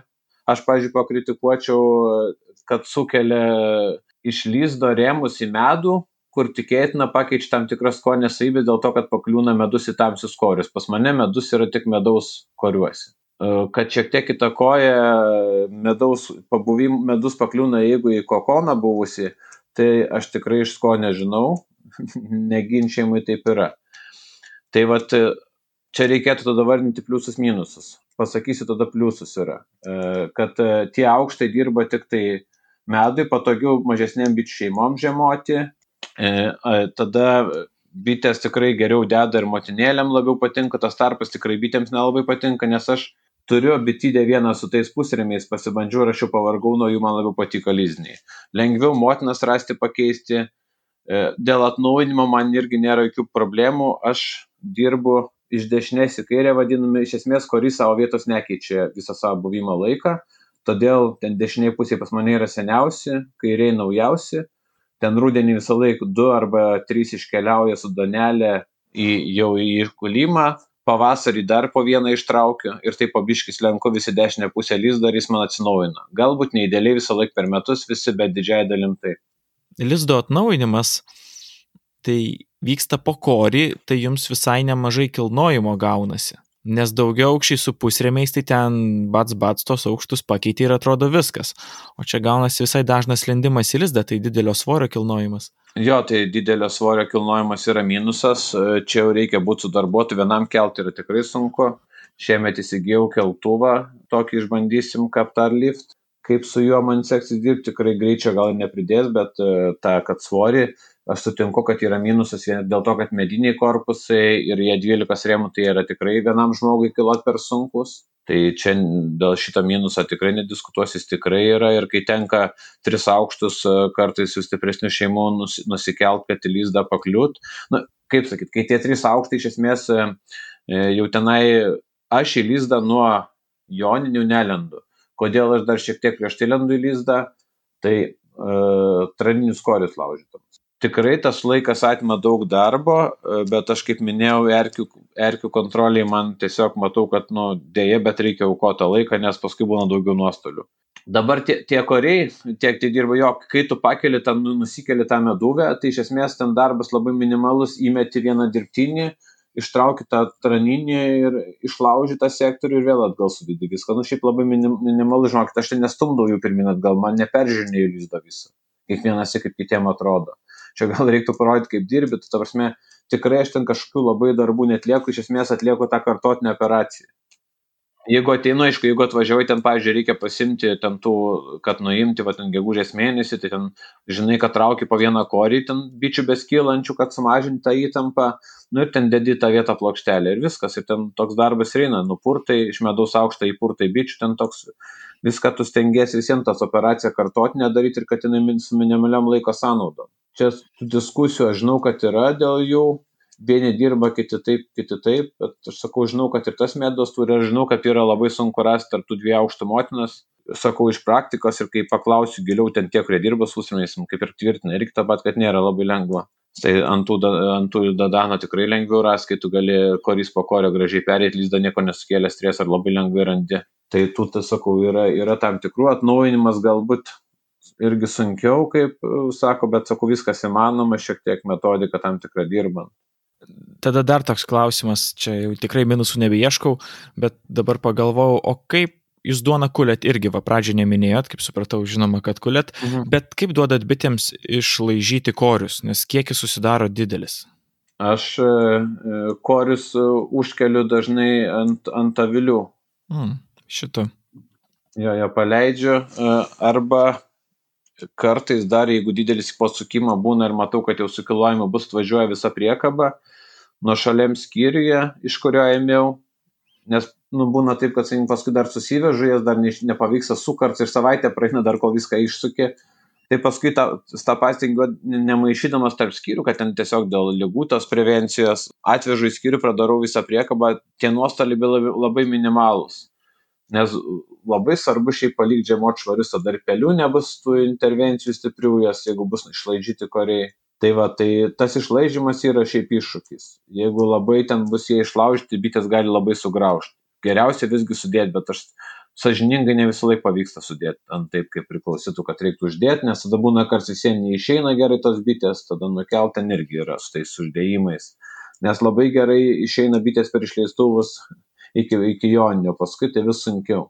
Jas paskui jos ten vis sėdi nenori. Tai va tai tai šiaip kartais sakau kai didelė priekaba suprantat dėl laiko sąnaudų šeimas reikia gydyt ir tu renkiesi pagal tą skubumą mažesnes blogybes iš esmės atvažiuoji su priekaba ją atkabinu pradarau duris ir palieku dviem parom. Ant palėčių sustatyta viršus atdengti nu pas mane jinai yra tokia durys prasidaro iš galo palaikau dvi paras atvažiuoju susirenku nu ten tų bičių tikrai pamatytų galvot sakytų tai ten susipjauna. Nieko ten tiek neįsipjauna galėčiau sąžiningai parodyt nu gerai yra ten ant ant ant dugno kažkiek susiš susišluoja žuvusių bet tikrai nedaug ir kita kad jau tos bitės jau senosios vis vien už savaitės ar kitos jau mirtų. Taip kad e, minimalūs tikrai yra išsipjovimo rizika nėra ten labai tragedijos. Aš sakau nestatau prie pat avilių šiek tiek atitraukiu penkis šimtus metrų ten į miškelį tokį įstumu tai jos ten atskrenda iš laižo ir man būna švaru, žiemot bus galima paruošti. Paskui, aišku, šiek tiek peržiūrim, pykia kažkiek, jeigu labiau patrupėja į lydimą ar dar kažkokie pažįsti, tai pas peržiūrim juos. Supratau. Gerai. Man labai daug visko įdomaus pasakėt, labai ačiū. Dabar toks klausimas apie tą ekologinį bitininkavimą. Tai kokios yra sąlygos? Naudų kaip ir nemažai jūs jau pasakėt. Tai išgirdėjau, kad kaina yra kita. Perkant, tiksliau parduodant didmeną, taip pat greičiausiai ir realizacija yra šiek tiek lengvesnė palyginus, nes pirkėjas tikrai maloniau žiūrės į ekologinį medų. Bet dabar tokis dviejų dalių klausimas. Tai kokie yra reikalavimai, kaip tapti ekologiniu bitininku ir kokių dar aš naudų nepastebėjau, dėl ko verta stengtis. Ekologinės apie tuos e, pliusus, kurias pastebėjote, tas kainos, didesnė kaina, aišku, turi tam tikrą kainą resursų vidinių. Tai ta ekologija, aš pirmąjį atskirčiau šiek tiek, kad tikrai maišo, kad įsivaizduoja arhaiški ūkininkavimo būdai yra ekologiški. Nu atsakymas ne. Arhaiškas nereiškia ekologiškas. Ekologiškas taip yra darni aplinkosaugai, e, aplinkosaugai, nu, padidintos aplinkosaugos praktika e, ūkininkavimo, e, taip pat tas išlaikymas biovairovės, gamtos išteklių išsaugimas, sakykim, didesnė darna su aplinka, bet tikrai nėra arhaiškas tas ūkininkavimo būdas. Čia visus liečia ir bitininkystė ir kitus. E, bet aišku, tie pagrindiniai reikalavimai, tai aišku, prasideda, sakykime taip, kad turi būti visi keliai, būtų tikėtinai, kad nepakliūtų jokių pesticidų, fungicidų, sakykime, plačiaja prasme visų pesticidų neturi pakliūti medų. Aišku, pagrindinis paklimas per nektaro šaltinį arba žiedadulkės. Taip kad pirmas didelis iššūkis bitininkui - parinkti ganiklas, kad jos ten 3 km spindulio, kadangi bitės pagrindinis darbinis atstumas yra 3 km, nu, kad nebūtų tikėtinų taršo šaltinių. O tai kas tai pavyzdžiui yra uh, tas taršo šaltinis? Nu, taršo šaltinis yra iš esmės pagrindinis, tai yra, kad nepakliūtų žydėjimo metu, ypač, ypač žydėjimo metu nepakliūtų tų nektaringų augalų, kurie aktyviai žydėjimo metu yra purškiami pesticidais ir kad paskui būtų e, per nektarą pakliūtų pesticidų, nes e, ekologiškai produkcijai neturi būti jokių likučių pesticidų ir taip, nu, visų, sakykim, sunkių metalų, visos cheminės taršos vadinamos, kuri šiek tiek pakliūna. Tai ekologija žvelgia į, į maistą užteršimą pesticidais kur kas griežčiau nei prastinės žemės ūkio kitų produktų gamyba, kuris į rinką pakliūna. Tai dėl to ir ekologija priklauso priklausomai nuo to, e, kiek ta ekologinė šaka reikalauja papildomų išteklių ekologiškai bitininkauti ir kainos sviruoja. Vieni yra dvigubai brangesni, kiti tik 30 procentų ir taip toliau. E, tai vad pirmas žvilgsnis, tas, ir, tas pirmas žingsnis, tas svarbiausias parinkus tuos ganiklas vadinamas bitėms, vengti, sakykime, taip, kurie yra rizika viena didžiausia pabrėžimo kalnunkystė, tai yra rapsų laukai. Nes e, juos nuo žydėjimo metu purškia nuo sakykime, ne ekologinių rapsų, nes yra ekologiniai rapsai. Tikrai jų yra, tai čia nereikia taip iš ko kategoriškai rapsų sportuoti. Ne. Vienas pagrindinių rizikų yra rapsų laukai, aišku, sodai galimi obelis yra purškiama žydėjimo metu, kad žiedus kaip puola tam tikri kenkėjai, kad juos nupurkšti, tai, tai negalima, nes paskui yra periodiškai daromi tyrimai medaus ir jeigu rastų pas tave kažkokius likučius pesticidų, tai tau anuliuotų sertifikatą ir tu negalėtum šios produkcijos platinti kaip ekologiškos. Tai čia vienas iš tų reikalavimų.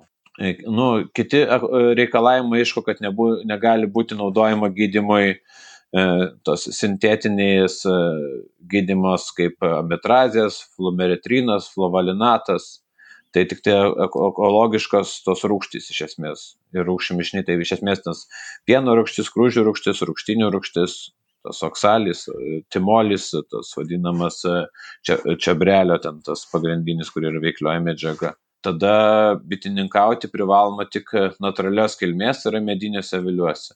Ir tada visas lieka tas vadinamas, aišku, produkcijos atsiekamumas, tai yra turi vesti, vadinamas, gamy, papildomas įranda prievalė vesti tuos gamybinius žurnalus, kadangi tave kontroliuoja trečioji šalis, sertifikavimo įstaiga, tai tu jinai atvažiavęs, bet kada tu turi paprašyti tų žurnalų, kuriais tu suregistruosi, kokius tu darbus atlikai, kokius gydimus, kokius derlius gavai iš kurios skyriaus, nes tu turi viską sutapti, tavo gaunami derliai, parduodami derliai, kad jie matytų, kur tu realizavai, kokią įmonį pardavai. Nu tai va yra ta kontrolė visos, visos tų grandinių visų, kad tave kontrolė, kad tu tikrai tam vartotojui parduotum ekologišką tą produkciją su, su, ženk, su reikalavimais ženklinimo. Aišku, tai yra, nepaminėjau dar reikalavimai ženklinimui nustatyti, kur, kuriuo metu, nu, kaip naudojamas tas e, eko ženkliukas, kad jo negalima, nu, ta prasme, išlaikyti reikia tam tikrus proporcijas ir taip toliau. Nu, čia vartotojų visa ta apsauga, kad vartotojai tiksliai būtų garantuoti, kad gauna tą ekologišką produkciją. Tokie, tokie tie iššūkiai, e, taip trumpai, e, ir turbūt pagrindinė dar nepaminėjau, kad e, yra leidžiama kritiniu, kritiniu metu, kada yra trūkumas maisto, bites maitinti papildomą, papildomais maitinimo ekologiškais e, prie, priedais, nu tai šiuo atveju cukrų, tai reiktų sakyti pavartotą priedą, bet cukrumi. Tai yra įvardinta, kad šiaurės, šalis, šiaurės šalyse žiemojimas yra kritinis momentas, todėl leidžiama ekologiško cukrumi prie žiemą maitinti. Tai vad, kaip žinote, ekologiška cukraus kaina beveik yra tris kartus didesnė. O, šito nepagalvojau. Jo, tai čia yra vienas turbūt didesnių išlaidų atsirandančių. Nes jeigu gydimo priemonės, sakykim, tas ekologiškas dalinai naudoja ir ne ekologai, e, tai viena apart, kad, sakykim, tas atsiranda administravimo tam tikri iššūkiai papildomi nes tu ten turi deklaruoti, pavyzdžiui, visus laukus, kad bet kuriuo momentu tave tikrins, galėtų nuvažiuoti tiksliai pažiūrėti, kur tavo bitinas. Jie turi dar pasitikrinti, ar tikrai ten tu parenki jiem ekologišką lauką. Nes, sakykime, aš to žemėlapius kiekvienais metais siunčiu sertifikavimą ekagros įstaigai, kur mano bitės bus laikomos. Jie kiekvienais metais važiuoja mane tikrina, atsitinė tvarka įma mėginius, juos siunčia į Vokietiją tikrinti, ar nėra pesticidų Ir tada tą patį, va, tu rodai sastas, iš kur pirkai e, cukraus, kiek tonų, pasižiūrėti tikrai, kad pirkai maitinai. Taip, kad e, žinau, kad kai kurie galvoja, kad čia vien tik žaidimas yra, e, tai tikrai nėra žaidimas, tikrai yra, reikia, jeigu tu nori ekologiškai ir tikrai nori parduoti ekologišką produkciją, tai reikia tikrai skirti tam, tam tikrus savo resursus. Ir dėja, bet gaiš pasakyti, kad Lietuvoje ne visose srityse mes galime ekologiškai bitininkauti nes e, intensyvus žemės ūkis tikrai kelia tam, tam iššūkius. Bet to pačiu norėčiau paminėti, kad kai kas gal žino, kai kas nežino, kad Europa šiuo metu bendrai yra pasirinkusi žalį kursą ir yra toks e, ketinimas ES iki 30 metų, 2030 metų sumažinti pesticidų kiekį 50 procentų ir padidinti ekologinių ūkių kiekį Europos Sąjungoje iki 25 procentų nuo visų. Šiuo metu yra, jeigu taip jūsų žinia, apie 8 procentus. Tai Lietu, Lietuva yra vos vos aukščiau vidurkio, bet su tokiu pat kiekiu.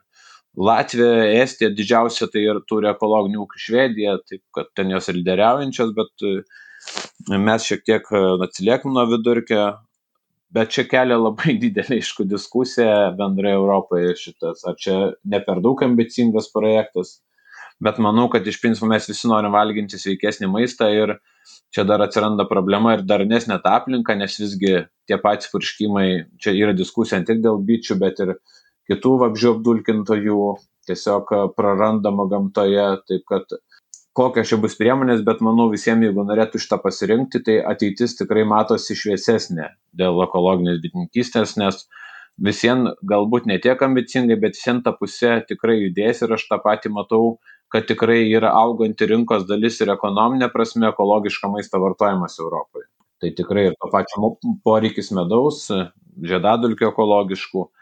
Taip kad tie, kurie esi tokiuose Lietuvos zonose kaip Zarasų rajonas, ta pati visa Dzukyja, manau, kad e, šitas e, Ignalinas tam tikrose rajono vietose tikrai yra galima pasirinkti. Sakau, šiek tiek reikia apsižiūrėti ganyklas, prisės prie žemėlų, pažiūrėti, kur daugiau miškelių, kur nėra tokių dirbamų laukų, arba ten tik tai kaip, kaip pieninkystė, ar ta prasme mėsinė galininkystė, kur nėra dirbamų laukų ir, ir cheminiam priemonėm dirbamų. Taip kad tą pasirinkti galima dar kažkiek tikrai yra perspektyvas, tik reikia šiek tiek noro ir šiek tiek e, nu, pasiskambinti agros, perskaityti keletą, kokias reiktų tas žinių įgyti šiek tiek. aš ką girdžiu, tai vargo yra, išlaidų yra, bet man mažiausiai įmanomas va tas ir atrodo punktas. Tai jeigu aš gerai suprantu, reikia surasti, kad per 3 km nebūtų kokiu nors gamyklų, nes greičiausiai aplink jas bus daugiau sunkiųjų metalų, nebūtų neekologinių rapsų arba grikių laukų, turbūt čia pagrindiniai augalai, kurie žydė, ten javai turbūt neturi didžiulio skirtumo. Ne, nu, jos bitės iš esmės neturi ką veikti, iš juos nerina, tik tai, kad, žinot, jeigu, vien, jeigu ten vienas javų laukelis ar kitas netragedijos, ten neįsisavus ir pas mane vienas kitas yra, e, bet jeigu javų bus didžiuliai masyvai, tiesiog ten neverta iš principo bitės laikyti, nes jos neturės iš kur nektaro, nes taugi reikia parinkti nektaro šaltinį. Uh, tai vad, Grykiai dar yra tuo dėkinga kultūra, kad jinai ir neekologiškai iš esmės nieko neapdirbama. Tai vienintelis svarbiausias, kad reikia, reikia vengti, kad nebūtų, jeigu nekologiškas, kad nebūtų naudojama glifosatų vadinamų. Kad laukų taip neapdirbinėtų tarp, tarp pusėzonių, ne? Jo, kad neapdirbinėtų, tai va, tai čia, nu, reikia bendradarbiauti su ūkininkais. Aš labai šnekuosi su ūkininkais, jeigu yra, yra kažkiek kažkokia riziko zona kažkur, tai tiesiog sažiningai ateini šnekėsi, tai nu tikrai su, su medaus stiklainė atėjęs pasišneki, viską žmogus atvirai pasako, ką daro, ko nedaro. Galų gale aš pats visą laiką pasivažinėjau šiaip pažiūrėti, kad nedaug dėja nepamatysiu ar kas, nu tai tu visą pamatysi, kad kažkas kažką darė, purškė, tai tą betiną spėsi patraukti, kažkur nelaikysi tenai. Taip, kad reikia, yra tam tikrų iššūkių be abejo, nes e, situacija yra tokia, kad jeigu į tai žiais pro pirštus, tai tikrai anksčiau ir vėliau sudegsi. Jeigu jūs patikrina ir randa kažkokikių, tai taip, e, kaip tai, tai stabdo sertifikato, taip, randa pėdsakų, tai stabdo sertifikato galiojimą. Ir kaip sugrįžti po to? Po metų vėl, po, po metų vėl tikrina ir paskui pritaiko sankcijas, dabar aš tik nepasakysiu tiksliai, kadangi dar neturėjęs, tai nežinau, bet po kažkiek metų vėl gali bandyti grįžti. Tiesiog, nu, sakykim, gali būti ir ne nuo tavęs priklausančių aplinkybių, nuo e, kažkur kažkas sugalvoja, žinot, kitur žmonėm negali iki galo viską sukontroliuoti, kažkur kažką pripurškė, įnešė į medų, tu net nežinojai apie tai. Ar kažkokį lauką pražiopsojai, tai tos tų, tų iššūkių yra, bet iš esmės reikia labai stengtis pasirinkti tas vietas kaip Labarono oro gilėva, gal sakyčiau, tokias, nu, tikrai miškingesnės, labiau mažas, ten tikėtina, aišku, derliai mažesni, bet e, visgi už kažkoks miško medus ar viskas ir tą, ir tą vertę galima, kaip aš minėjau, medus nėra lygų medus. Ir tą mums reikia visiems bitininkam nepamiršti, kad medus yra skirtingų skoninių savybių ir, ir jisai vartotojai, kurie šiek tiek jau žino, arba tos portvelės, kurie dirba daugiau su medum, ar kitose šalyse, kur tas nežino, kad miško medus yra nelygu tam pačiam pievų medui, jis yra kur kas tų skoninių turi daugiau, taip kad tikrai ir kaina dėl to skiriasi. O juk tas prisiminsim, kur italai turi, jeigu kažkokį kaštonų medų, tai ten jie iš vis yra brangesnis, jiems ten ekskluzyvinis. Tas pats viržių, kaip minėjau, medus Europoje vienas brangiausių. Tai va, taip, medus nėra lygų medus, medus yra ir jo rūšys yra šiek tiek leidžia galimybės e, gauti aukštesnę kainą už tam tikras rūšis. Ir tada koks tikslas tokio vargo? Kokią naudą jūs gaunat, kaip jūs skatina valstybė būti ekologiniu bitininku? Na, e, tai su, su, su cukrum e, šitą su cukrum pagalba tiekia didesnį finansavimą skiria. Tai tik tai, kad problema, kad jau man kaip stambesniam tai nebeskiria finansavimo, nes yra riboje daugiau nei 149 šeimų nebeskiriama kompensavimas jau nuo cukraus, bet jeigu kažkas su mažesniu kiek pradėtų, tai tikrai yra didesnė, ta dvigubai didesnė gauna išmoka už cukrų, tai padeda tą naštą. Aš žinau, kad Sąjungoje tik tai dabar nėra konkrečių priemonių, matau, kad kadangi kad tą tikslą pasiekti, tai čia nežinau, ar bitininkystėje bus kažkas, bet bus papildomų skatinimo formų. Taip kad aš šiai dienai labai per daug nėra, bet aš pabrėšiu, kaip pas mane įvyko. Tai kadangi aš ėmiausi bitininkauti savo tėviškai, aš pats gimęs užaugęs Zarusų rajone, ežerų krašte, netoli Dusetų yra Antazvė toks kaimelis, ne, labai nedidelis, tai va aš ten gimiau, užaugau. Tai man iš esmės šiaip ar taip tenka bitininkauti tokiose vietovėse ir man tiesiog e, supratau, kad yra galimybė gauti didesnę pridėtinę vertę nuo gaunamos produkcijos, šiek tiek įdedant savo darbo papildomo ir aš pamačiau, kad aš norėčiau tą daryti, patiek vartotojų ir pastebėjau, kad aš kai kuriais atvejais tikrai lengviau surandu klientus pardavimui. Taip kad aš sakau, jeigu kažkam galbūt specialiai reiktų važiuoti ten nuo vidurio Lietuvos kažkur bitinkaut, kurti svetimoje vietoje, gal taip, čia ir yra sudėtinga. Bet aš manau, jeigu tu esi jau toj vietoj, tai tikrai tau, manau, kad gali pasirinkti tą kelią, galbūt pabandyti ir ekologinį bitininką. Prašom skambinti man, pagelbėjau, šiek tiek papasakoju, va, kokie iššūkiai. Na, tai aišku, reikia vis, į sudėtingesnį tą kelią rinktis, laik reikia ir vidinės motivacijos, nes mes atrodo, tarsi visi norim rinktis paprastesnį kelią, e, bet e, tas sudėtingesnis kelias visą laiką reiškia ir tą, kad tu išsiskirsi už dalies e, kitų rinkoje esančių tų dalyvių, taip jeigu, jeigu tą marketinginę prasme ir turėsi galimybę lengviau parduoti savo produkciją. O paramos nėra kažkokių specialių paramų ekolo, ekologiniams ūkiams? Tiesiog gauni ekstra balus, to prasme, kad jeigu ten konkurencija bus jo, to prasme, papildomus balus gauni, bet iš esmės taip kaip specializuotų, ten yra, kit, jeigu kiti ūkiai, tai yra ten tas paramos papildomai moka pinigus ten už ekologinius javus ar dar kažkas, tai tas yra. E, bet, sakau, bitininkystėje dėja kol kas apart, kad už cukrų ekologinį daugiau moka. Ai, yra viena, aš atsiprašau, labai pamiršau, kad yra tai ekologinė bitininkystė taip pat kaip ir į KPE, tai už, tos, už stiklainius gauni paramą ten tuos penkis metus. Aš kadangi jau ten anksčiau dalyvavau, tai dabar primiršęs, nes buvo šitą yra jo, atinant, kad už tarą moka. Ir už etiketės, už dizaino sukūrimą ten tai yra mokėjimo agentūra, vadinasi dalyvavimas kokybės schemose, aš atsiprašau tiksliai gal nes tą pavadinimą nepasakiau dabar. Ir tada pabaigai, kad jūsų labai ilgai nelaikyt, Gal turit kažkokių patarimų ar pasidalinimų, gal buvo kažkas, ką atradot savo bitininkavimo praktikoje, kas labai palengvino bitininkystę? Kažkoks įrankis, kažkoks sprendimas. Na, kas nors, kas galbūt galėtų būti dar vienas patarimas. Aš e, turbūt dabar jau savo dar labiau vis pakartoju ir kitiems, kad pagrindinis įrankis, kuris palengvina žmogui, tai yra matematika kad tiesiog vienas tik metuose atlikus tam tikrus darbus reikia atsisėsti ir šiek tiek apmastyti, ką tu atlikai. Ir kiekvienas, manau, tada galim surasti savo klaidas ir labai optimizuoti tą veiklą. E, kad nereikia vat, skūstis, kad čia tas sunku, viskas tikrai matau žmonių, kurie e, klysta ir ne, nebando mokyti iš savo klaidų. Aš, aš kaip sakau, atsisėskite ir tiesiog paskaičiuokite tie, kam sugaišam. Tai kartai žmonėms labai atsiveria akis ir man pačiam atsiveria akis tai aš sakau ta statistika kur atrodo gal ne visai mėgstama bet jinai labai man atveria akis ir labai pagelbėja ir kai aš surandu savo klaidas tada iš karto vat surandu kad žiūrėkim aš paskaičiuoju. Vat vienas kaip vienas pavyzdys. Kad aš atvežęs jeigu nesudedu iškart kraudamas į priekabą tuos korius su medum nesudedu iškart ant palėtės tai aš atvažiavęs dar turėsiu pusvalandį jeigu dviese o gal ir valandą išnešioti į patalpą sukimą. Tai bet jeigu aš susidedu ant palėčių iš karto tai aš labai greit su krautuvu paimu ir pervežu su tom paletėm. Tai va tokias smulkmenėlės labai padeda stupid laiko tada tu gali didesnį kiekį skirti apžiūrėjimui tam konkrečiam šeimų.